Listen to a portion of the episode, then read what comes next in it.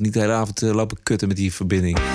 This is the TPO podcast. Het waren twee fantastische jaren. Ik ben met hart en ziel burgemeester van Den Haag geweest. Beverwijkers en andere burgers durven niet meer. Omdat het over het algemeen uh, een, min, ja, een minderheidsgroepering is. Ik zal de naam niet uitspreken, want dan, dan hang je natuurlijk aan de hoogste paal. Dan wel. En het ooit zo betrouwbare CNN is niet meer. CNN is a racist network. Aflevering 141. Ranting and Reason. Bert Bresson. Roderick Phalo. This is the award-winning TPO podcast. Het is maandagavond, 7 oktober. Oh, vandaag is de dag van het verzet tegen de klimaatverandering door Extinction Rebellion. In Berlijn, in Londen, in Madrid oh ja. en ook in Australië en Nieuw-Zeeland houden klimaatdemonstranten het uh, verkeer op. Ook in Amsterdam blijft het niet achter. Ook stadhouderskade daar ter hoogte van het Rijksmuseum. Iedereen wil zo lang mogelijk blijven. As we speak worden volgens mij de laatste demonstranten afgevoerd. Bert richting het westelijk havengebied in Amsterdam. Zou het het klimaat geholpen hebben vandaag, denk jij? Enorm. Enorm. ik denk dat echt uh, wat ze vandaag hebben gedaan... is denk ik al uh, 16, 17 uh, Greta Thunbergs waard. Ja. Op één dag. Dus zo kun je nagaan. Het is echt uh, meters, meters, meters minder zeespiegel. Al deze dappere rebellen. Ik vind het zo weinig concreet. Ik, kijk, als er nou één energiesoort betrouwbaar CO2 nul is, dan is Kernenergie. dat kernenergie. Dus waarom wordt er niet gedemonstreerd voor kernenergie Ja, het, is nog, het is nog veel erger. Uh, het is zo uh, dat het is zinloos wat ze doen. Ik als je een beetje, beetje uh, rationeel naar kijkt, is het zo dat het überhaupt al te laat is. Dat komt namelijk dat we al, zeg pak een beetje 50 jaar weten, ook 50 jaar al ongeschonden, zonder problemen doorgaan met CO2 uitstoten. En dan zou je dat eventueel iets kunnen verminderen als je allemaal massaal vandaag nog stopt met CO2 uitstoten. Maar iedereen snapt, ook de kinderen van uh, Rebellion Extinction, dat dat niet gaat gebeuren. En dat uh, er een heleboel landen in de wereld zijn waarin het um, nog uh, überhaupt moeite gaat kosten om een heel klein beetje minder CO2 te gaan China, gebruiken. India. In Afrika Amerika. gaan ze eerst al het hout opstoken, volgens mij. Ja, Afrika en China druk bezig met kolencentrales bouwen. Kolen en hout. Dus, dus, dus, weet je, dus, dus, dus het, is gewoon niet, het is gewoon niet realistisch. En, en wat ze willen is dat. Maar het is niet realistisch. En ze, ze zouden eigenlijk massaal moeten accepteren dat er inderdaad echt een heel groot probleem is. Daar hebben ze helemaal gelijk in. Maar dat probleem wordt niet opgelost. Het is iets wat, wat uh, in elk geval misschien niet hun generatie, maar hun volgende generatie hoe dan ook gaat voelen. Want zelfs als je dus nu alles, alles platlegt, nooit meer CO2 uitstoot, dan nog hè, is, gaan die, blijven die gletsjers nog smelten en, en dat soort shit. En uh, blijft nog heel lang hangen. Dus dan nog eens de komende 100 jaar gaat dat hoe dan ook problemen geven. Maar waar demonstreren dus, ze nou voor? Ja, dat, ja voor, voor niks. Voor een einde aan alles eigenlijk. Voor uh, een einde aan, aan, aan het kapitalisme. Voor een einde aan de, aan, de, aan de democratie zoals we die kennen. Voor een einde aan, aan de status quo van, van het bestaan van de bourgeoisie. Voor een einde aan bezit. Voor een einde aan te veel gebruik. Voor een einde aan verspilling. En dan Dus is- overleven we. Ah, nee. Maar, en, maar het is natuurlijk, het, is natuurlijk uh, uh, het, grote, het grote doemdenken, het grote uh, zondedenken, Ja. opnieuw samengevat. En wat schieten we daarmee In op? Ah, niets. Maar dan krijg je dus de, de Greta Thunbergs, dan krijg je dus een nieuwe Messias. Dat Ja, is, en dat wat is schieten we waar- daarmee op? Ik vind het allemaal zo. Ik begrijp. Ik, zonde. Ja, ja, precies. Dat is het. Nee, ik, ik, ben het, ik ben het voor een deel ook natuurlijk eens met eh, de analyse dat, jouw analyse, dat we er te laat mee zijn. Nou, dat zal best. Maar laten we dan eh, er het beste van maken. In de zin, laten we eh, wat langer kijken. Laten we een 100 jaar vooruit kijken. En laten we gewoon hele goede kerncentrales bouwen. Ik zou maar dat zou. Kijk, als je. Dat zou je moeten doen. Je zou moeten zeggen: oké, we, we, zitten in, de shit. en dan krijg je dat. Die millennial generatie wil ik heel graag. Dan de- dat wij daar de schuld van Ja, krijgen. precies. Dan kun je zeggen: oké, terecht. Ja, Maar we ja. moeten natuurlijk met, als de sodemieter zorgen dat er niet nog eens een keer een miljard mensen bij komen. Dat, dat sowieso. Maar dat, dat is zoiets. Hè. Ja, maar dat helpt nou- dan. Ja, Kernenergie en geboortebeperking. Dat vind ik dus ook. Maar dan moet je dus tegen die mensen zeggen: oké, maar dan, dan laten we dan aan geboortebeperking gaan denken. Nee, dat mag niet. Ze willen wel dan maximaal kinderen op de wereld zetten.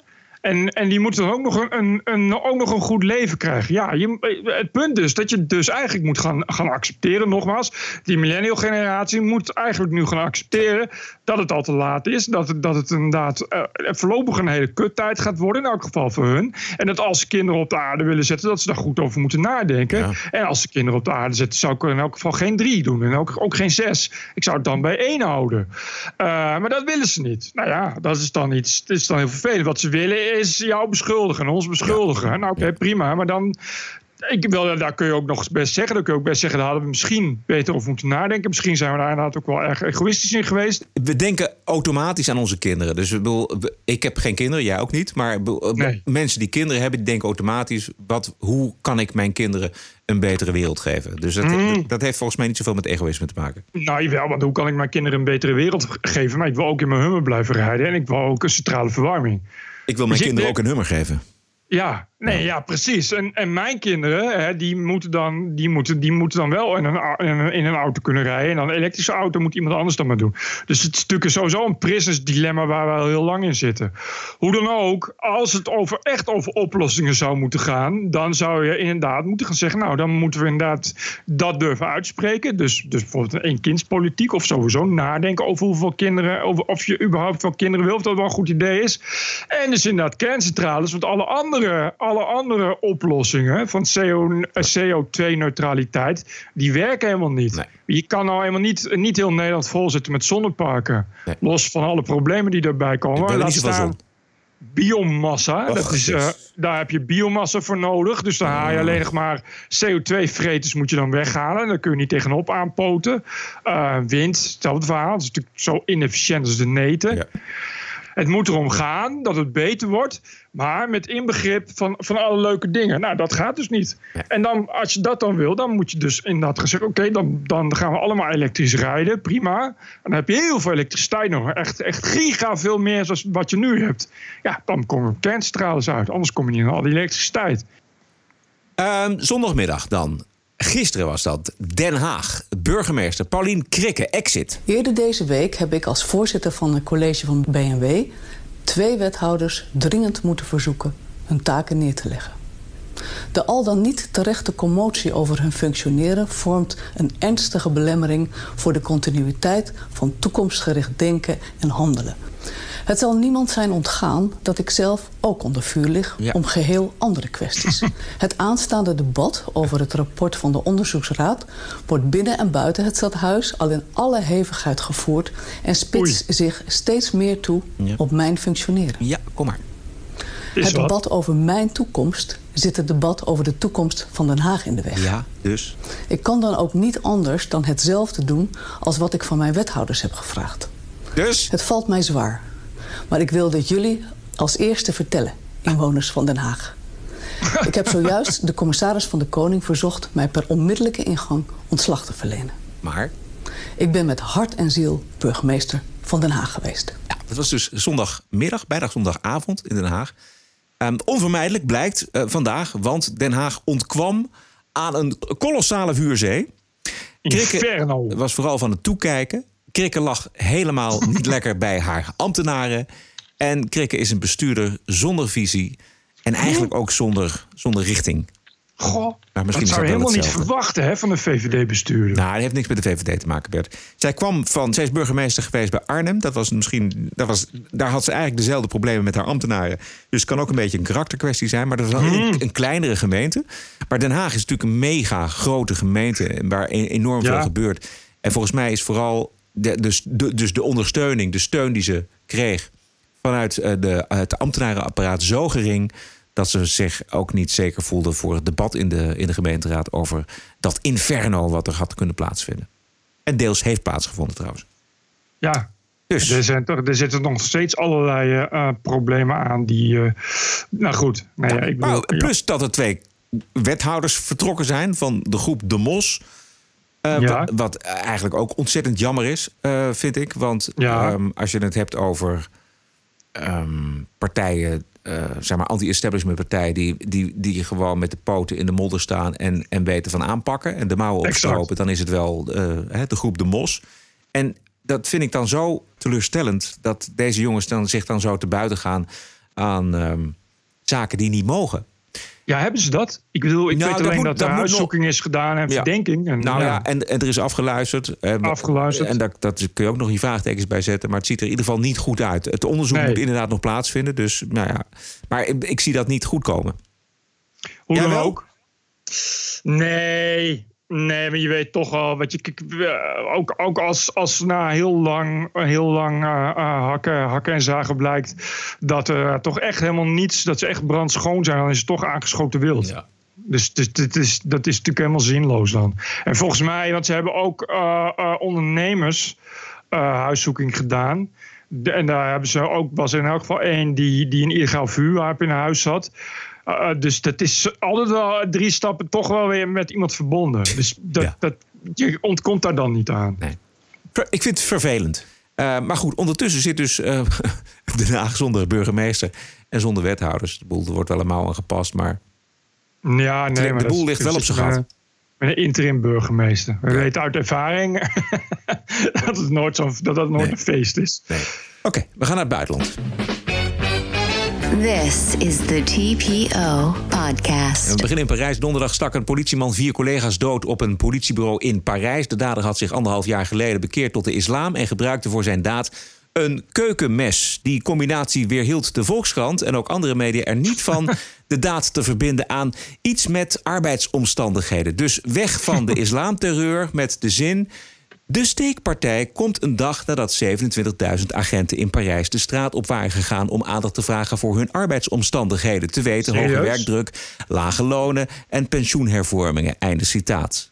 De minister van Binnenlandse Zaken was heel snel ter plekke om te vertellen dat het hier om een modelwerknemer ging, die nooit eerder een probleem heeft veroorzaakt. Maar u begrijpt het al lang.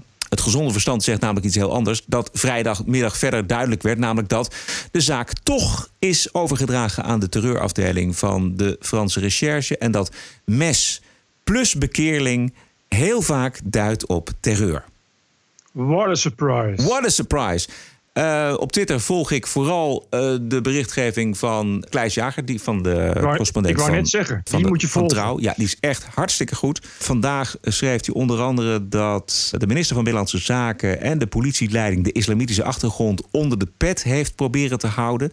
De dader Ah. en, de- en, en zijn vrouw die waren strikte handen schudden weigeraars. en dat de dader zijn daad ook eh, zorgvuldig voorbereid had. Ja, dus het is echt terreur dus. Echt terreur. En de vraag is natuurlijk, wanneer kan het nou eindelijk afgelopen zijn met dat dodelijke wegkijken van autoriteiten in zaken moslimextremisme? Nou, kennelijk niet. Wanneer kennelijk, houdt dat nou eens een keer op? kennelijk waren ze nu serieus bezig met doofpotten. Behoorlijk. Begrijp ik. Ja. Dus ze hebben dus echt actief geprobeerd om dat islamitische weg te houden. Ja.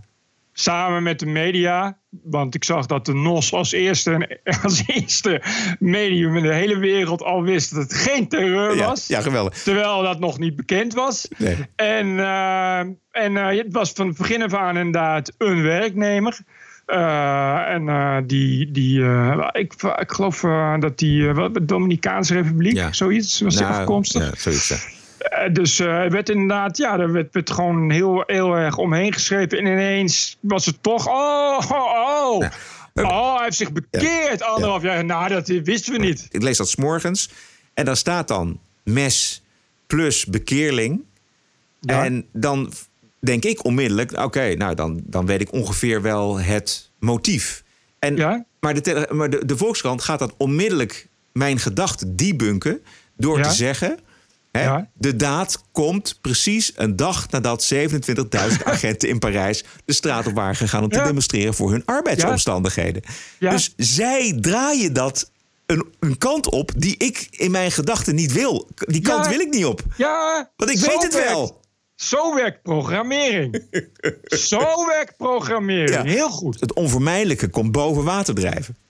Ik vind het allerergste is dat je elke keer als dit gebeurt, dan denk je, oh, islam. Maar oké, ik, ik heb nog niet alle feiten, dus Ja. ik ga dat niet opschrijven. En dan zie je heel Twitter zeggen, oh, dat zal wel islam zijn. Eh, en dan duurt het heel lang voordat je feiten hebt. Dus dan zegt heel Twitter, oh, ze proberen dat achter te houden dat het islam is. En dan denk ik altijd, nou ja, je, laten we de feiten afwachten. Want dat we toch niet feiten hebben, betekent niet dat ze het achterhouden. En elke keer weer komt dan later, oh, ja, ze hebben toch, toch geprobeerd dat te debunken. Ze hebben toch geprobeerd dat achter te houden. Dat was ook bij uh, toen bij die Oudejaarsavond, waar was dat? In, uh, in uh, Keulen? Ja. Keulen? Ja. ja. Ja. Hè? Dat, dat, dat, dat Niet alleen. Keulen trouwens, ook eh Malmö volgens precies. mij. Ja. En dat ze dan, eh, nou, daar werd alleen maar gezegd, ja, jongeren, mannen. Ja. En toen zei iedereen, ja, nee, dat, dat is allemaal, ze proberen het in een doofpot te stoppen. Dat zijn natuurlijk allemaal asielzoekers. Nou ja, dat laten we afwachten. En uiteindelijk bleek weken later, hè, na onderzoek, van ja, nee, we hebben inderdaad actief geprobeerd. eh, omdat, omdat, nou ja, die politie heeft dat zo lang mogelijk geprobeerd niet te vertellen. En zo gaat het steeds. Ja. En zo gaat het hier ook. Dus wat je krijgt, dat, dat, die, dat vertrouwen in die media en het vertrouwen in, in, in de overheid en die politie steeds verder erodeert. Omdat die mensen die, die in beginsel eh, best wel wappie zijn door de hele tijd te beweren bij alles, het is islam, wel telkens gelijk krijgen. Ja. Die, die zeggen dan ja. Die zeggen dan ja, zie je wel. Eh, Ze zeggen verwarde man, nou dan weet ik het wel. Ja. Maar Ja, nou, als het 9 van de 10 keer zo is. Ik ben voor een afwachtende houding. Laat dat, net als Ik jij. ook. Weet je, dat, natuurlijk. Nou ja. Wij zijn journalisten. Nee, maar dat, la- dat- laten we dat voorop stellen. We zijn voor een afwachtende houding. We zijn voor eerst de feiten. Maar wat mijn voorbeeld van de Volkskrant en jouw, jouw voorbeeld ook wil dus zeggen dat zij verder gaan dan afwachtend zijn. Zij leggen namelijk wel een link, namelijk een link met de arbeidsomstandigheden. Weg van de mogelijke islamterreur. Ik snap gewoon niet. Wat, je, wat heeft het nou. Ik snap, dat, ik snap überhaupt het verband niet. Nee, maar dat is dus dat is wensdenken. Dat is wensschrijven. Je, b- eh, het, Ja, maar de- het, eh, het feit is toch gewoon dat, dat iemand die bij een politiebureau werkt. vier agenten doodsteekt. met een mes en met bekeerd mes. is. En bekeerd is. eh, en, en radicale tekst heeft verstuurd. En, Maar volgens mij werkt het zo. Bert, dat, dat dus op een gegeven moment de, de- degene die dat, die dat opschrijft, die denkt, nou ja, laten we, laten we hopen dat er een andere oorzaak ligt. En de oorzaak zou, laten we ervan uitgaan dat dat dan in die demonstraties en in die ehm, arbeidsomstandigheden ligt. Dus, Ja, dus nee, we, toch- linken toch het, we linken het aan de arbeidsomstandigheden. Dan halen we het, eh, het enige doel daarvan is weghouden bij islamterreur. Ja, maar goed, dan krijg je dat eh, de arbeidsomstandigheden de oorzaak zijn. van een vierdubbele moordpartij. Ja, je, je wekt de suggestie. Ja, wat is dat, dat, is, dat schrijf je dan toch niet op. ik vind het echt. Nee, ik snap dat. Ik snap wel. Kijk, dat je dan als, als courant zegt. Nou ja, er is de dag ervoor ook, ook geprotesteerd. En deze man die was ook ontslagen. Eh, dus nu we het toch over, over eh, ontslagen mensen hebben die boos zijn. In Frankrijk is, weet je, dat kan. Dat- Als je dat een haakje hebt, maar je gaat ook niet zeggen ja, ja, nee, oh, is, eh, ja, dat is een ontslaggolf, hè, Frankrijk. Ja, dan gaan mensen om zich heen steken. Er dan op. ja. Ja. Dat- dat- en dan, en dan, ja, ik bedoel, ik begrijp dan nog dat je zegt van ja, ja, hij had hoorde stem in zijn hoofd. Dat werd hier ook gezegd over. Dat zeggen ze tegenwoordig meteen. Dat weten ze tegenwoordig wel. Alle feiten weten ze niet, maar Oh ja. wel dat hij stem in zijn hoofd heeft. Ja. Eh, oké, dat, dat snap ik dan nog. Dat je zegt van ja, het was een verwarde man. En dan weet je, van, nou, dat zal later wel blijken islam. Je gaat dan toch niet in de krant schrijven, ja, ja, arbeidsomstandigheden. Alsof eh, je arbeidsomstandigheden verbeteren als je vier mensen, vier collega's neersteekt. Ja, nou, alsof dat überhaupt iets mee te maken heeft. Weet je, alsof je door ah, nee, oh, als je ontslagen bent, ja, nee, Nee, dan begrijp ik het wel. Nee, maar het had te maken met stress en Ja. nou, dat soort zaken. Mhm. Overwerktheid. En als het wel duidelijk is, dan, dan lees je er niks over. Bijvoorbeeld in Berlijn, vrijdag, werd een aanslag voorkomen. Eh, het ging om een man die, eh, begeleid door de kreet Al Akbar... de nieuwe synagoge in het centrum van Berlijn wilde binnendringen met een mes. Niet gelukt. Ja, een man blijkt een 23-jarige Syriër... op de vlucht voor oorlog gastvrij ontvangen in Duitsland. En hey, nazi's nadoen uit de jaren Ja. 30 en 40. Ja. Hè, dus deze, en deze haat-Syrië die mocht ook nog zaterdagochtend weer eh, gewoon de straat op. Maar daar lees je dus geen woord over in de Nederlandse media. Ik heb gezocht, ik vond het nergens. Ik vond het in een Israëlische krant, ik vond het in een de- twee Duitse kranten. Maar dit was, een, dit was een, echt een duidelijk geplande aanslag. Nou, je moest dus weten hoeveel er in de media staat als het een eh neonazi is die eh, een synagoge binnenloopt en Ja. probeert een aanslag te plegen. Dan staat het wel op de voorpagina van de Volkskrant. Heel gek. Het is echt Even zo erg, raar is maar dat. ja. Je moet een afweging maken. Is dit nieuws? En dan is het, ja, het is nieuws. Mits, Nou, mits het dus, dus een blanke extreemrechts is. Anders is het geen nieuws. Ja. Dan is het, eh, moeten we het zoveel mogelijk negeren. En als ze het wel brengen, is het een verwarde man. Ja. En mislukt. Hè? Dus het was een aanslag, was mislukt, dus geen nieuws waarschijnlijk. Nee, precies. Dan is, het, dan is het maar geen. Dan, dan kunnen, we beter, kunnen we beter een beetje weghouden. Ja, maar voor alle duidelijkheid stond dus wel in de Duitse kranten, maar in Nederland werd er niets over gemeld. TPO Podcast. Het Noord-Hollandse Beverwijk is vooral bekend van de gezellige Zwarte Markt. Die is toch in Beverwijk? Ja. Maar sinds een maand of acht ook van de pilotenbende. Donderdagavond was er een demonstratie van buurtbewoners... die de straatterreur van deze groep ja, hoe zullen ze noemen, hangjongeren meer dan zat zijn. En RTV Noord-Holland was erbij. Ja, de protestmars gaat dus zo beginnen. Uh, naast mij staat organisator Harry Andries. Harry, jullie zijn het echt zat, hè? Ja, we zijn er wel een beetje klaar mee en daarom gaan we nu ook lopen. ja. We gaan bijna beginnen. We eindigen bij het gemeentehuis. Wat is vandaag het doel? Het doel uh, voor ons is eigenlijk, uh, ja, we willen onze veiligheid, dat gevoel van veiligheid, willen we in Beverwijk en Heemskerk terug. Kun je voor mij eens omschrijven hoe die impact op de wijk is van dat geweld van die pilotenbende? Um, ja, ik, ik, kijk even naar mezelf. Ik heb een dochter van 16 die eigenlijk moet genieten van de tienertijd en dergelijke. Die moet alleen voor het schemer moet ze binnen zijn in verband met de risico's die we lopen als ze s'avonds op straat gaan. Ja, en we hebben het over intimidatie, bedreigingen, steekpartijen en mensen die zonder enige reden in elkaar worden geslagen. Als ja. er al een reden te vinden is om mensen in elkaar te slaan. Dus de grote vraag is: wie zijn dit tuig?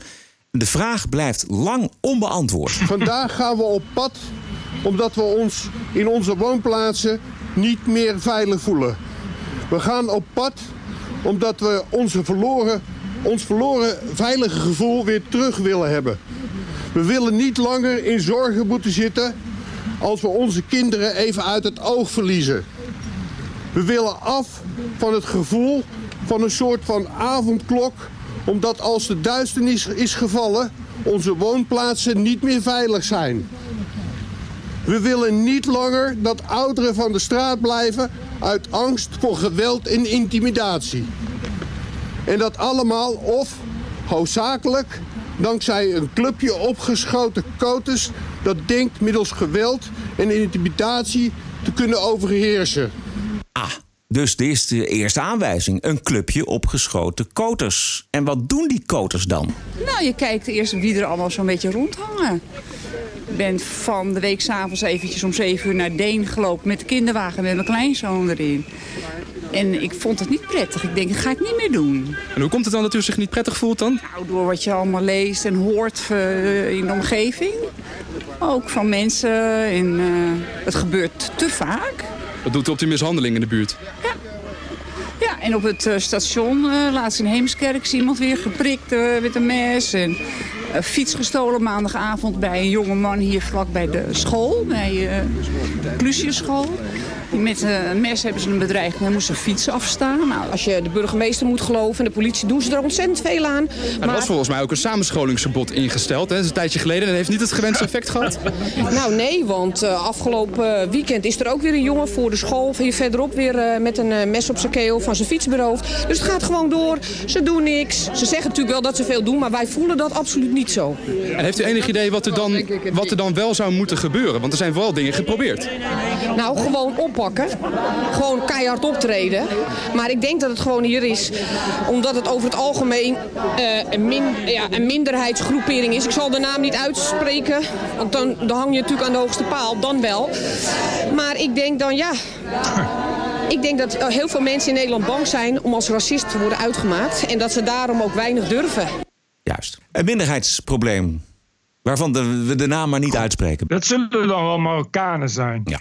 Want dat schijnt in Nederland wel vaker een minderheidsgroepering te zijn die overlast veroorzaakt. En als je er iets van zegt, dan uh, word je dus inderdaad aan de hoogste boom opgeknopt. Dan wel, zoals die mevrouw net terecht al zei. Dan werkt justitie en politie wel heel goed. Het zou gaan om twintig agressieve gasten. Vijf daarvan zitten in de vierde klas van het Kennemer College. Volgens een klasgenoot houden zij zich bezig met vechtsporten en wapens. En de school doet niets. En de ouders doen niets. En de vrienden doen niets. Niemand doet iets. En de burgers zitten gewoon sinds enige jaren gewoon achter slot en grendel thuis.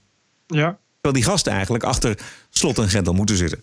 Ja, dat gaat niet gebeuren, want ze zijn minderjarig. Ja, precies. Dus ze worden opgepakt en uh, dan staan ze even later alweer op straat. En uh, daar kan gewoon niet zo heel veel tegen gedaan worden. Nee, het is dweilen met de kraan open dus. Dus er, Ja, moet, er nou. moet landelijk eh, iets veranderen.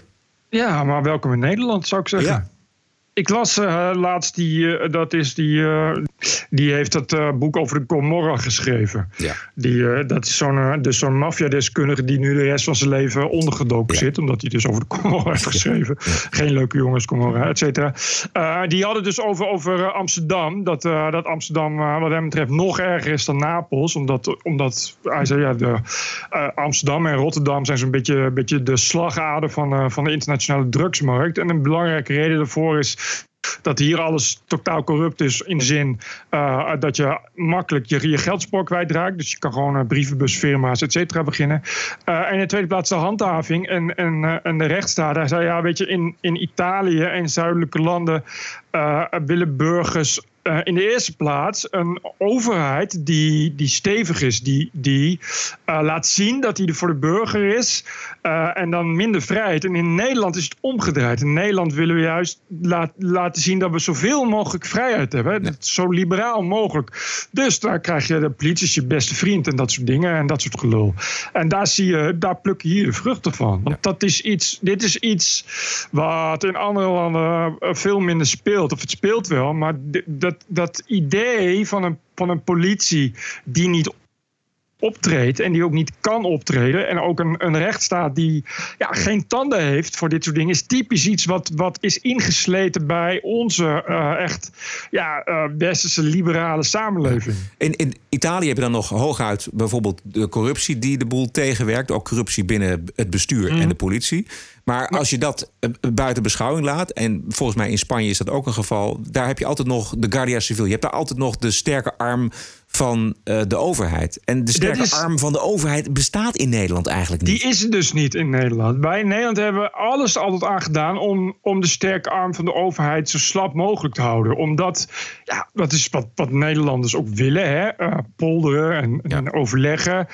En ja, hier, eh, en, en bijvoorbeeld die auteur die had het ook over hoe, hoe de drugsstrijd in Italië, de strijd tegen de maffia, uiteindelijk, nou ja, in elk geval zijn er een hoop slagen gewonnen. Het is niet meer zoals vroeger. En ook is opgevoed, ook na de moord op Falcone en dat soort dingen natuurlijk, dat, dat daar iedereen uiteindelijk het zo zat was. Eh, nou, dat heeft te maken met, met het samenstellen van, van taskforce en teams ja, van, van snoeiharde drugsbestrijders met aan het hoofd een generaal. Die, eh, ja, dat, dat zijn gewoon toch paramilitaire eenheden. Die, eh, die, die onafhankelijk van de politie hun eigen gang gaan. En, en, en eh, de, de, de maffiabendes opsporen. Eh, ja, en dat op een manier doen. Ja, dat, dat mag dus niet in Nederland. Dat kan dus niet. Even twee voorbeelden. Frankrijk heb je natuurlijk hetzelfde probleem van vooral jonge, jongens uit Noord-Afrika, Algerije, maar ook uit Marokko. De- Frankrijk is wel een land met volgens mij een, een, een krachtige arm van de overheid. Ja. Ehm, Spanje, waar jij woont, eh, dat is, eh, de, de- die hebben volgens mij dezelfde immigranten Ja. op dat gebied. Italië. Eh, Italië. Hebben zij daar dezelfde ruimte? Hoe bedoel je? Nou, de- zeg maar, we hebben het hier over Marokkaanse jongens, maar het kunnen ook Algerijnse jongens. Hebben de Noord-Afrikaanse jongens die voor overlast zorgen dezelfde ruimte in die landen als in Nederland? Nee. En dat, en dat heeft dus te maken ook met de wil van het volk. Als, als je dit soort tafereelen, dat, dat, als, je dat, als je dat hier doet, dan komen burgers in opstand. Eh, en, en dan komt dus ook de gemeente, die grijpt dan in, omdat je dus eigen richting moet voorkomen. En eigen richting is, is iets wat hier dan ook wel echt plaatsvindt. Ja. Je, je kan hier niet, eh, eh, wat ik hier hoor, want die pilotenbuurt, het is volgens mij al jaren een probleem. Jaren. Ja. Ja, dat gebeurt hier niet. Dat gebeurt hier wel. Maar, maar goed, dan. Maar in Frankrijk heb je toch ook de banlieues waar de politie überhaupt ja, ja, komt? maar dan, is, dan, heb je, dan heb je echt een banlieue. Dus daar, daar, daar wonen alleen nog maar dat soort mensen. En dan krijg je dus, dat heeft te maken ook met segregatie. Dat de politie zegt, ik ga bepaalde wijken niet meer in. Maar hier heb je het over het algemeen. eh Beverwijk is net als alle andere steden.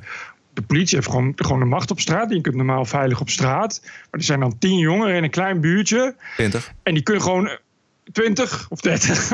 maar hè, het is maar een jongen in een buurt waar, waar verder normale mensen wonen, waar verder niet specifiek uh, problemen zijn. En die kunnen jarenlang doen wat ze willen. Dat, dat heb je dus niet. Nee. Dat, dat, dat doe je, als je dat hier doet, ja, dan, dan krijg je na twee weken dus inderdaad mensen die gewoon hun eigen knokploegen gaan vormen. Uh, ja, en om dat te voorkomen krijg je dus, komt de Guardia Civil, die komt daar gewoon uh, ja, vier dagen staan. En elke keer als die jongens een vinger uitsteken, dan worden ze opgepakt en een weekend in de cel gezet. Ja. Ongelooflijk, Bert, hoe lang we het er al over hebben. Ik moet steeds denken aan wat de ja. fragmenten die wij ook wel eens een keer in deze podcast hebben laten horen. Namelijk, uh, hoe heet je ook weer, die wethouder in Amsterdam die het had over kut Marokkanen. Job Cohen. Oudkerk. Oudkerk, precies. Uh, dat is ook echt al heel lang geleden.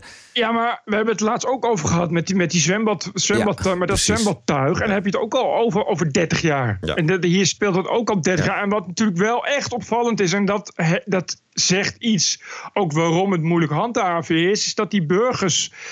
Er gebeurt heel weinig. Hoe vaak hoor jij van eigen richting? Dat is echt. Ja, dat is, Ja. dat- precies, dat is heel weinig. De eerste generatie straattuig, dat is Ja. nu de Mokro-mafia. Er zijn weer nieuwe generaties daarna gekomen. We horen nu ook verhalen over hele jonge eh, jongetjes van 10, 11, 12 jaar. Generatie op generatie gaat dat door. En we hebben het sinds Oudkerk al over eh, de term kut Marokkanen en het Marokkanenprobleem. En nog steeds. Er gebeurt niks. Op juridisch gebied gebeurt er niks, maar er gebeurt ook niks op het gebied van de vertegenwoordiging van de Marokkaans-Nederlandse gemeenschap. Als je de goede kant van de Marokkaans-Nederlandse gemeenschap representeert, waarom dan ook niet de slechte kant, namelijk deze jongeren? Waarom, ga je daar, waarom gaan die mensen daar niet mee aan de slag? Daar zijn Marokkanen over het algemeen niet zo goed in om, eh, om eh, vuile was binnen te hangen. Dus eh, dat kun je sowieso op je buik schrijven. Ja, er is natuurlijk wel wat. We hebben natuurlijk wel de Marokkaanse buurtvaders en zo. Maar het is allemaal maar, weet je, het, is, het, is, het gaat altijd wel over, over racisme en over wilders en weet ik veel wat. Terwijl je inderdaad denkt, misschien zou het leuk zijn om eens een keer eh, serieus de krachten te bundelen. Ja. En daar serieus is Want ze te blijven zeggen, oppoppen. Weet je, het- het- het- nu is het Ja. Beverwijk. Toen was het Alphen, kan ik me herinneren. Het was eh, Wageningen. Het was eh Culemborg. Het was. Nou, het ga, ga maar zo door. Maar ja, weet je, kijk, de oplossing is dus inderdaad heel simpel. Je hebt, je hebt speciale interventieteams nodig. Van, eh, ook van, eh, van grote jongens die Marokkaans spreken. Ja. Die zelf in de RIF hebben gewerkt. Marcouch heeft dat ook altijd al gezegd. Die zei ook altijd van ja, je moet, je moet ga, naar, ga naar het RIF-gebergte. En huur daar politie in. Laat ze hier stage lopen. Ja. Moet jij eens kijken hoe dat werkt. Ja. Weet je, nou, je hoeft daar echt niet. Echt niet, echt niet het gaat echt niet dat je, dat je dan jongens in elkaar mag slaan en zo. Maar het scheelt al eh, als ze als ze in, in het Arabisch worden aangesproken. Het scheelt al als ze geen niet zo'n mails, maar een blank agentje zien. Maar dus inderdaad, die- die- ze hebben onderzoek gedaan. Hè, dat, ze jong, dat ze die jongetjes, die, die laten ze dan het bureau binnenkomen. En dan zetten ze eh, een, normale, een normale agent, een normale Nederlandse agent en een Marokkaan in pak. En nou bleek dat als je daar nou een Marokkaan in pak zet, dus een beetje iemand die een beetje gezag uitstraalt, dat ze dan veel makkelijker ook dingen bekennen en meewerken. Ja, en het is zo'n totaal andere cultuur. En je kan het dan zo makkelijk al kun je dat oplossen. En dan heb je nog steeds geen oplossing voor het feit eh, eh, dat, je, dat, dat, dat er eh, waarschijnlijk geen rechtszaak komt. Dat het wordt geseponeerd. En als het niet wordt geseponeerd, dat ze een officier krijgen die een vrouw is. En die vindt dat het vooral racisme is en weet ik veel wat. En dat ze dan uiteindelijk een halsstraf krijgen waar je, waar je niks mee opschiet. Maar ja, het is al heel wat als je, als je kan handhaven. Dat is wat die burgers graag willen. Precies. Het is natuurlijk te, te ziek voor woorden dat je inderdaad al twee jaar achter slot en grendel zit. Omdat als het gaat schemeren, je niet meer naar buiten durft. En dat de politie toch niet komt. En als die wel komt, dat die politie komt. Heren, wat zijn we hier aan het doen? En die jongens zeggen, nou, we zijn gewoon leuk aan het rondhangen. We hebben niks verkeerd gedaan. En dat ze zeggen, oké, prettige avond nog. En dan gaat de politie weer. Terwijl je eigenlijk als burger denkt, je mag toch hopen dat ze nu een keer met drie boefwagens en een hoop honden komen. En weet je, en dat is wat, wat je dus moet gaan doen. Ja, beter luisteren naar eh, Marcouch. Die zit nu in Arnhem, hè, waar Krikke eerst Ja. zat. Dus laten we Krikke weer terugsturen naar Arnhem. En Marcouch over naar Den Haag. Maar dan landelijk de boel aan. Hè? Idee. Station. The Rush 24 7 podcast. Los Angeles. And now, America's most exciting radio talk show, The Savage Nation. And we're here. How the hell did we get here? TPO Podcast. News Talk Radio 77. WABC. New York City. Vandaag voor het eerst echt de schurft aan Trump. Hoe hij omgaat met Turkije en het Midden-Oosten. Namelijk vannacht dramatisch besluit van de Verenigde Staten om in het noorden van Syrië Turkije de vrije hand te geven. En de voormalige bondgenoot van de Verenigde Staten, namelijk de Koerden, aan te vallen. Koerden zonder wie IS nog heer en meester zou zijn eh, van grote delen van Syrië en Irak. Maar omdat IS eh, geen territorium meer heeft, hebben de Koerden hun bruikbaarheid verloren. Denkt althans Donald Trump. Domme, domme vergissing. En vooral verraad. Die hard Trump supporter Lindsey Graham op de vraag. Is that a wise move? Is this a policy you can support?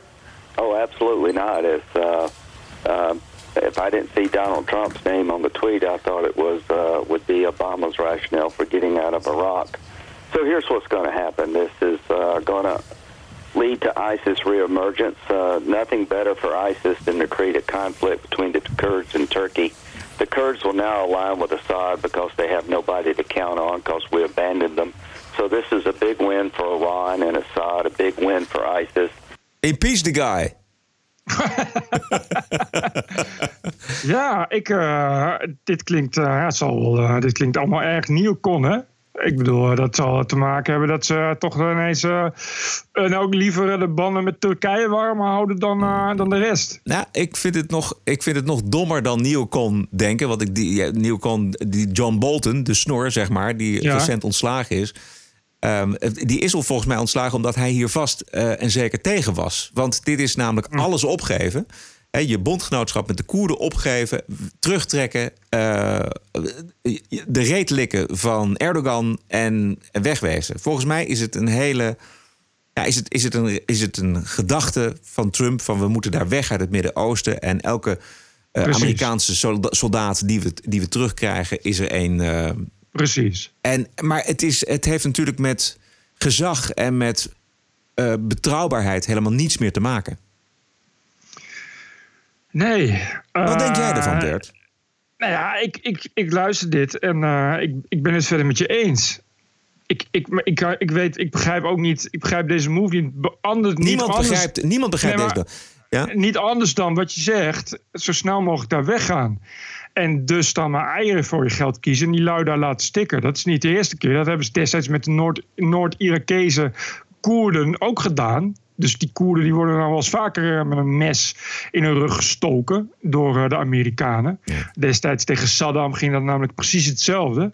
Daar werd het eh, verzet vanuit Noord-Irak georganiseerd door de CIA met de belofte dat de Amerikanen rap volgen. dat duurde toch nog even. Dus die werden daarna weer netjes de pannen gehakt door, door Saddam. Ja, en dat zie je net zo. Weet je, ISIS is geen, geen vijand meer. Dus ja, je wordt, die Koerden worden toch nu als, als een soort oud vuil aan de straat gezet. Oké, dat is het domme. jongens. Maar dat, dat is het domme. Ze zeggen, de, gedachte is: IS is, heeft geen territorium meer, dus is verslagen. Dat is extreem dom, want dat is niet, natuurlijk niet zo. Want bedoel, er zijn duizenden soldaten die nu in kamp- kampen zitten, ook in Turkije. Die worden straks teruggebracht door Turkije, juist in die 30 kilometer zone in het noorden van Irak. En wat Ja. dacht je wat die gaan doen? Die gaan zich hergroeperen. En er komen eh, vluchtelingenstromen op gang. En de hele ellende begint van voren eh, af aan. Dit is wat ik zeg. Zoals destijds eh, ook, ook ISIS in het zadel is geholpen, Ja. gaat dit weer natuurlijk precies hetzelfde. Ja.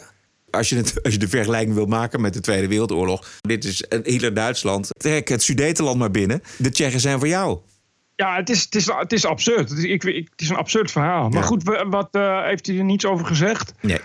Ik begreep wel dat hij, eh, dat hij zei eh, dat hij eh, de economie van Turkije kapot gaat maken als ze, nog, als ze iets gemeens doen. En Europa heeft hier ook zeker geen schone handen. Want Europa die bemoeit zich verder helemaal nergens Nee. mee. Die denkt ook, laat de Amerikanen het maar uitzoeken. Maar als door deze situatie straks IS zich weer kan hergroeperen... dan zijn we natuurlijk even ver als een paar jaar geleden. En dan gaat. Amerika en Europa met dezelfde problemen te maken krijgen. Dat is, dat is, dat is dus wat er gaat gebeuren waarschijnlijk. Dat is de downside. Of, of nog erger, dit wordt een, een opnieuw genocide.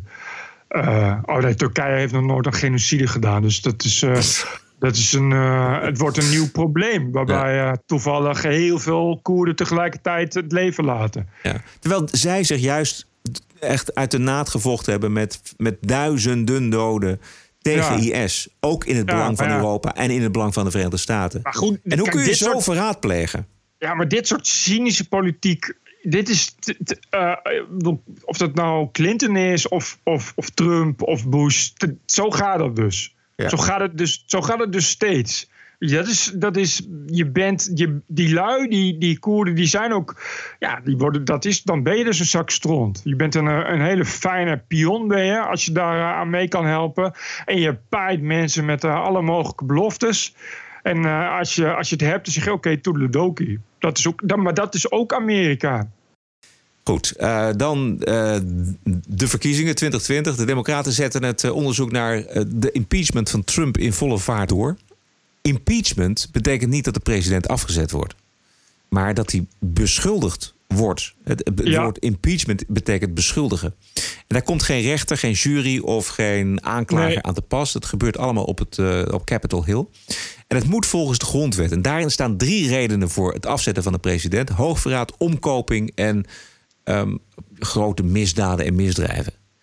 En eh, hoogverraad en omkoping, dat is vrij snel aanwijsbaar. Maar misdaden en, en misdrijven, dat laat alle ruimte voor politiek. En het Huis van Afgevaardigden speelt voor aanklager, om het maar zo te zeggen. En een meerderheid zou de president dus kunnen beschuldigen. En dan is de president impeached. Maar dat betekent niet dat hij ook veroordeeld is en dat hij moet aftreden. Want dat veroordelen, dat gebeurt in de Senaat. En de Senaat Precies. speelt voor rechter en jury. En als twee derde van de Senaat het eens is met de beschuldiging van het Huis van Afgevaardigden, dan, dan moet de president vertrekken. De linkse CNN-commentator Van Jones. It's a tricky thing, the impeachment uh, process, because for some Republicans, it makes them want to rally around the flag. And I remember when I, when, uh, uh, I was uh, anti Bill Clinton from the left. Uh, in the 90s, and then they tried to impeach him, and suddenly Clinton was my best friend. You I was became a devotee I, I was, I, I was out there, hey, leave Bill Clinton alone. So I think, you know, uh, you get cross currents in this thing. At the same time, you know, Democrats are in a lose lose situation. If they don't do something, their own base is going to feel disappointed, and you feel like maybe uh, Trump gets away with too much. If you go through with the impeachment, though, you can you can divide the country further. You take the oxygen away from your candidates, and you still don't solve the problem of foreign interference. Just because you impeach the president doesn't mean you don't still have the foreign interference. So it's it's a big mess. It's a big mess. Voor, voor de Democraten. It is, it is, Ja. it is. Democraten nogmaals, die hebben nog steeds niets, dus die moeten wel. In ieder geval, Trump gaat achter democraat Adam Schiff aan. Die door de Washington Post of door de New York Times, maar in ieder geval vier Pinocchio's kreeg voor de maximaal Oh ja. onbetrouwbare politicus. report that came out just before you and President Ninishto walked out here that the whistleblower met with a staff member of Adam Schiff prior Oh, I to love the that question. being filed. It shows that Schiff is a fraud. And I, I love that question. Thank you, so John. can I finish ans- asking? yes, there's nothing to finish. Uh, so, so the whistleblower, according to this report, met with a member of, sta- of uh, Adam Schiff's staff. You got it right there. You know it. I hate to say it's the New York Times. I can't believe they wrote it. Your your response to the Maybe fact they're that- getting better. Your response to the fact that that happened and that Schiff may have learned some of what the whistleblower knew prior to the complaint. Well, I think it's a scandal that he knew before. I go a step further. I think he probably helped write it. Okay, that's what the word is. and I think it's. Uh, I give a lot of respect for the New York Times for putting it out. Just happened as I'm walking up here. They handed it to me, and I said to Mike, I said, "Whoa, that's something. That's big stuff. That's a big story." He knew long before, and he helped write it too. It's a scam. It's a scam. Just to finish on this, I appreciate. I love that second question, by the way. Should have asked it first. but but let, let me just tell you, the whole thing is a scam. The Mueller deal was a scam. The Russian collusion was a scam. You can ask Putin. Nobody's been rougher on Russia than Donald Trump. Okay? Now, with that being said, it would be great to get along with Russia. And we will get along with Russia because it's smart. Mocht hij echt moeten vertrekken, dan eh, eh, ga ik het meest missen dit soort persconferenties. Waarin hij gewoon uit de losse pols Yes. vertelt. Hè? Niks. Sowieso, alles wat hij eh, uit losse pols doet, is echt Ja, altijd precies. geinig. Ja, het is heel vervelend als hij gaat autocueën. Dus als hij, als hij gaat Precies. van een script gaat lezen, dan meet hij zich een toon aan die, die absoluut niet bij hem past. Maar als hij het uit de losse pols gaat doen, dan vind ik het fantastisch. Ja, ja, dat heeft hij ook wel met Boris Johnson gemeen. Het zijn ook van die mensen die inderdaad bijna kan zien... dat als ze script lezen, dat ze zich stierlijk vervelen. Ja, ja, precies. dat ze dat dan moeten oplezen. Ze hebben liever dat ze nog even zo'n rant tussendoor fietsen of zo, weet je wel. Ja, ja. Wat gewoon heel grappig. Ik vind dat gewoon heel mooi. Ja, het, zijn gewoon een beetje, het is allemaal een beetje authentiek en oprecht. Ja, precies. Ik heb eh, gewoon maar wat eh, clipjes eh, gespaard afgelopen dagen over die verkiezingen en over de impeachment. We hebben ook nog de democratische kandidaat Kamala Harris. En zij doet op CNN een pleidooi om Trump van Twitter te halen. The president's tweets and his behaviors about this are just further evidence of the fact that he uses his power in a way that is designed to beat people down instead of lift people up. Frankly, when you look at what he's been tweeting today, directed at the whistleblower, um, directed at, at, so many people, uh, you know, I, I, frankly think that based on this and all we've seen him do before, including attacking members of Congress, that he frankly should be, his Twitter account should be suspended. Um, I think there is plenty of, of, of, now evidence to suggest that he is irresponsible with his words in a way that could result in harm to other people. And so the privilege of using those words in that way should probably be taken from him. And if he's not going to exercise self restraint, then perhaps there should be other mechanisms in place to make sure that his, har- his words do not, in fact, harm anyone. And that's my point. What we want to make sure is that his words do not actually result in harm to anyone. Onvoorstelbaar. Ja, maar goed, dat gaat niet goed. Dat hele Twitter is. ze gaan hem niet suspenden. Nee, belangrijkste maar dat- reden. Ja? Nee, maar dat- er een presidentskandidaat, een serieuze presidentskandidaat bij de Democraten, hier opkomt en dit nog gaat vertellen bij CNN. Totale het totale waanzin. Ook als president. Dit, is, dit wil dan wel presidentskandidaat worden, weet je wel? Ja. Wat, wat, ga je, wat ga je doen? Dan ga je zeggen, ja, je bent stom, je moet van Twitter. Dat is een beetje, toch wel eh, zo'n beetje zuur in het gezicht gooien van heel veel Amerikanen. Want ja, dat, eh, die freedom of speech is natuurlijk heilig. Ja. Dus dat is wel ongeveer het domste wat je kunt eisen. Bovendien gaat het dus niet gebeuren, omdat eh, Twitter. Twitter is ook niet gek. Daar wordt wel heel heilig over gedaan. Maar het belangrijkste wat die willen is gewoon geld verdienen. En op het moment dat je, dat je Trump van Twitter afgooit, dan eh, heb je heel veel mensen, heel veel verkeer minder. En ja, dan eh, is, kun je denk ik Twitter wel, wel op je buik schuiven. Want dan gaan er wel heel veel mensen echt heel boos worden. Nou, et cetera. Dus dat is allemaal onzin. Ja, plus dat ik hoorde ik een suggestie op de No Agenda show. Dat als Trump van Twitter wordt gegooid, dan gaat hij natuurlijk naar een ander social media. Precies, precies. En, en wie gaan mee? Dat zijn natuurlijk al zijn volgers. Dat zijn er 60, 70, 80 miljoen. Ja, plus, precies. plus al die journalisten die meegaan. Die, want die willen natuurlijk gewoon het nieuws blijven volgen rondom. eh, Dus, en dat zou inderdaad de doodklap zijn voor Twitter. dat zou Twitter denk ik niet overleven. Ook Nee. omdat je, dat je. Ja, dat is. Dan krijg je dat.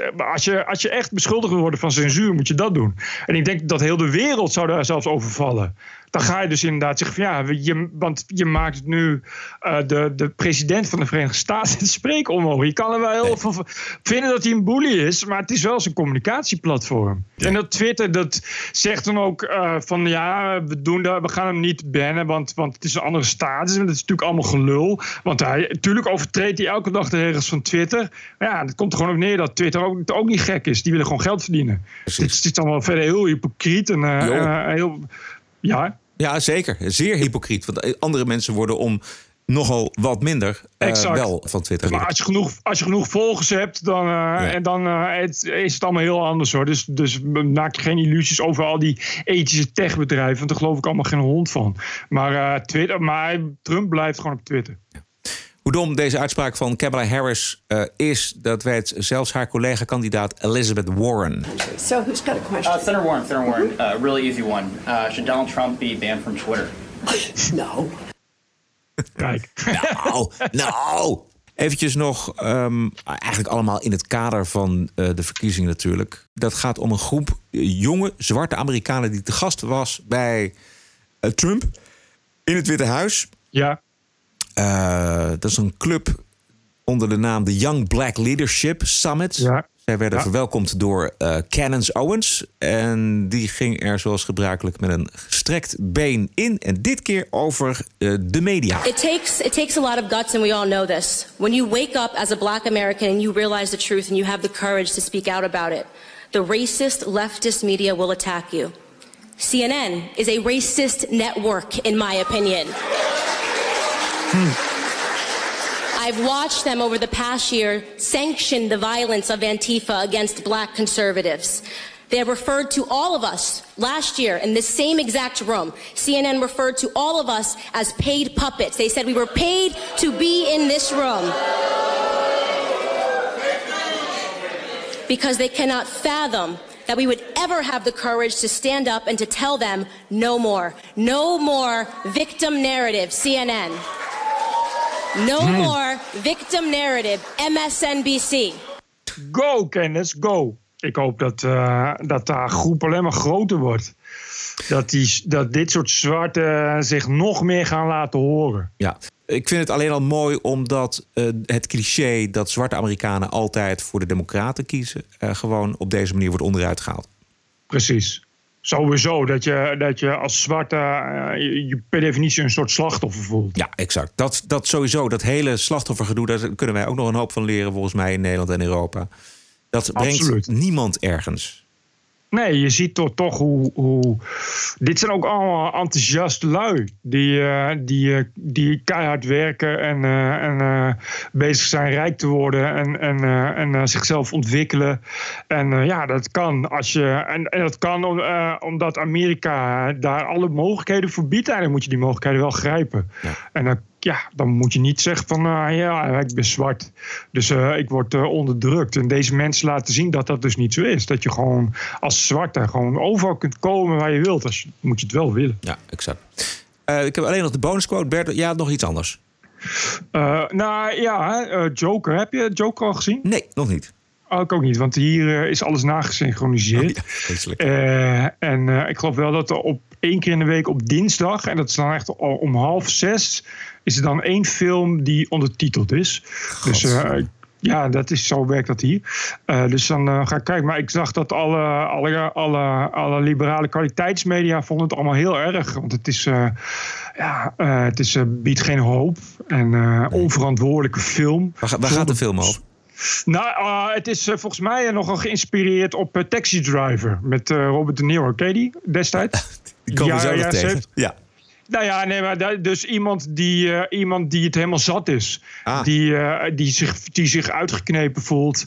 eh, uitgekotst door, door de leden boven hem. En zich uitgekotst voelt in de samenleving. En ja, dus dan langzaam, langzaam gek wordt. En zich daar ook zo naar gedraagt. Maar de boodschap van de film is, is natuurlijk dat de samenleving dit soort mensen heeft. Dat dat heel veel zijn. En dat we daar van allemaal naar wegkijken. En overigens was dat ook de boodschap in, eh, van de Joker in de, in de, in de Batman-film. Eh, die door Heath Ledger wordt gespeeld. Want dit is, speelt dus ook in Gotham City. Dit is eigenlijk de ontwikkeling van Joker. Want in, in die Batman-film, in, in, eh, in The Dark Knight, is die Joker een figuur die crimineel is. Maar niet voor het geld. De enige reden waarom hij dat doet, is dat hij chaos wil veroorzaken. En, en omdat hij dat leuk vindt om de wereld te zien branden. En hier zie je dus hoe hij daartoe komt. Eh, en dat is dus. En de, Heath Ledger zegt in die film: Madness is like gravity. It only takes a push eh, to, to, to flip to the other side. En hier zie je dat dus gebeuren. En waarom? Omdat hij nergens terecht kan in de maatschappij. Omdat iedereen hem uitkotst en, en hem weg wil hebben. Eh, en eh, nou, dat mag niet van onze, van onze, eh, van onze liberal media. Want je moet een boodschap bieden. En je moet constructief zijn en een oplossing. En houvast bieden. En als je dit laat zien, dan legt dat, zorgt er alleen maar weer voor meer geweld. Want dan gaan mensen het nadoen. Terwijl mensen gaan dit doen omdat ze zich zo voelen. Om- omdat ze zich zo genaaid voelen door de maatschappij. En als ze dan hulp zoeken in de maatschappij, dan zijn al die leuke liberale mensen die dus de New York Times lezen en de Guardian en de Washington Post, die zijn er dan niet. Die kijken dan weg. Die zeggen dat moet iemand anders maar oplossen. En die bouwen dan wel een muur om hun tuin, terwijl ze net hebben staan protesteren tegen een muur eh, bij Mexico, et cetera, et cetera. Dus het zijn verschoppelingen der aarde die eh, eh, genegeerd worden door diezelfde liberale elite die het allemaal zo mooi voor elkaar heeft en die zo zo weet hoe het moet. Eh, eh, en dat dan aan anderen vertellen. En eh, dat is waardoor mensen tot geweld komen. Om, mensen komen tot geweld omdat ze een dark side hebben. Omdat ze gek worden. Omdat ze mens zijn en het gewoon niet meer trekken. En op een dag knappen. En mensen komen niet tot geweld omdat iemand een steengoede film maakt. Met goede acteurs. En, en een spannende film die twee uur duurt. Vind Mooi, ik. dit is een mooie, klinkt als een mooie promo voor The Joker. Ik las Nou, wel... ik heb hem niet gezien, dus dan, dan Nee, maar een beetje... je weet wel waar die over gaat. Ik heb hem ook nog niet gezien. Ik, ik las wel dat Gordon in Nederland is weggelopen. Die gaat veel- liever Frozen 2 kijken. Ja, Daar had hij meer zin in. Ja, het was Die te veel zei, geweld, nou, was het. Ja, want als je goed in je vel zit, dan kun je beter deze film niet gaan kijken. Want ja, het is dan, je krijgt in die film natuurlijk echt, echt een keiharde blik op de onderkant van de samenleving. Op de, op de slechte kant van de mensheid. En ja, dat moeten we niet willen zien met z'n allen. natuurlijk. Stel je voor dat we daar een slechte avond van hebben. Oei, oei, oei. En wat is de connectie met Robert De Niro en deze film? Eh, Taxi Driver. Taxi Driver is Robert De Niro, toch? ja, ja, ja, oké. Maar hij, hij heeft verder niks met deze film te maken. Met de Joker. Eh, nee, maar die, die, hij is, die regisseur heeft zich daar dus door, flink door laten inspireren. Oké. Eh, de bonusquote gaat namelijk wel over Robert De Niro. TPO Podcast. Of moet ik zeggen, ook over Robert De Niro. We weten hoe Hollywood denkt over Trump. En degene die dat het best kan uitleggen is eh, de acteur Robert De Niro. In een geweldige speech doorgaans. Ladies and gentlemen, Robert De Niro. Zo heeft hij het ooit gedaan. Hebben we al een keer laten horen, maar nog maar een keertje als intro. I'm going to say one thing. Fuck Trump. Yo! Goed hè? Echt. En het, en het publiek ging staan. Dit is alweer van pak een beet een half jaar geleden.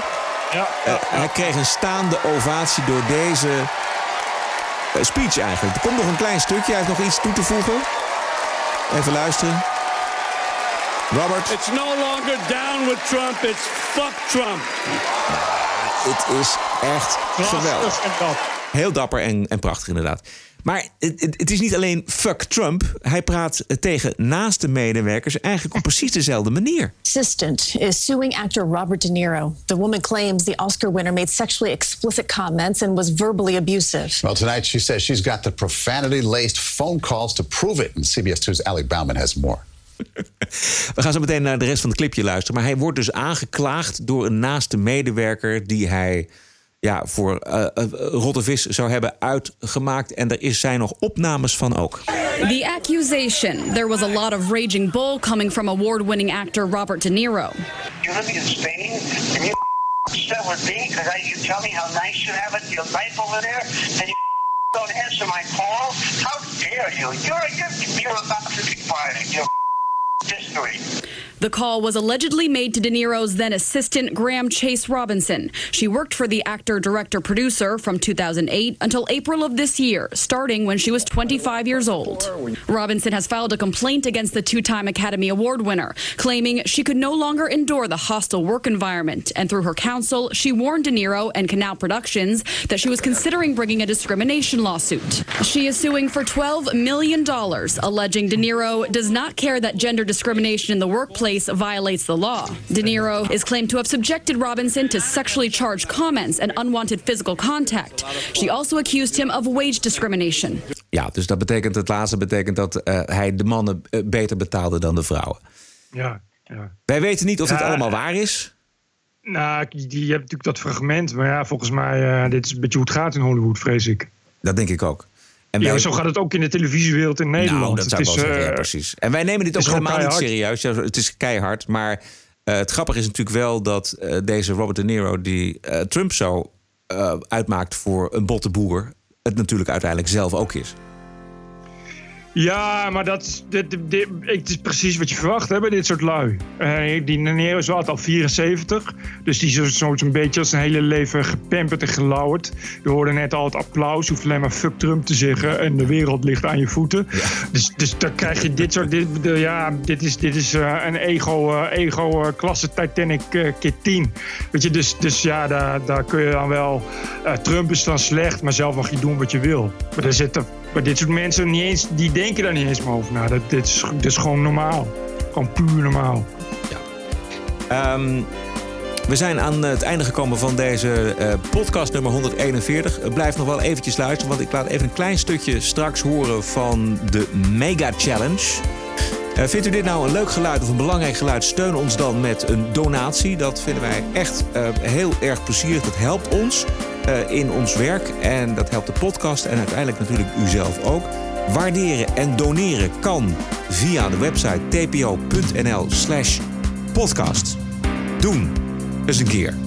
Nou, wij zijn dinsdag terug. Volgende week, 15 oktober is dat. Hebben een mooie week en tot dinsdag. Ja, tot dinsdag. TPO Podcast. Bert Bruson, Roderick Balo, Ranting and Reason. Democrats break the chain, walk away, make America great again. They want to see our babies dead and our men in a cage, block our freedom of speech, take away our 12 gauge.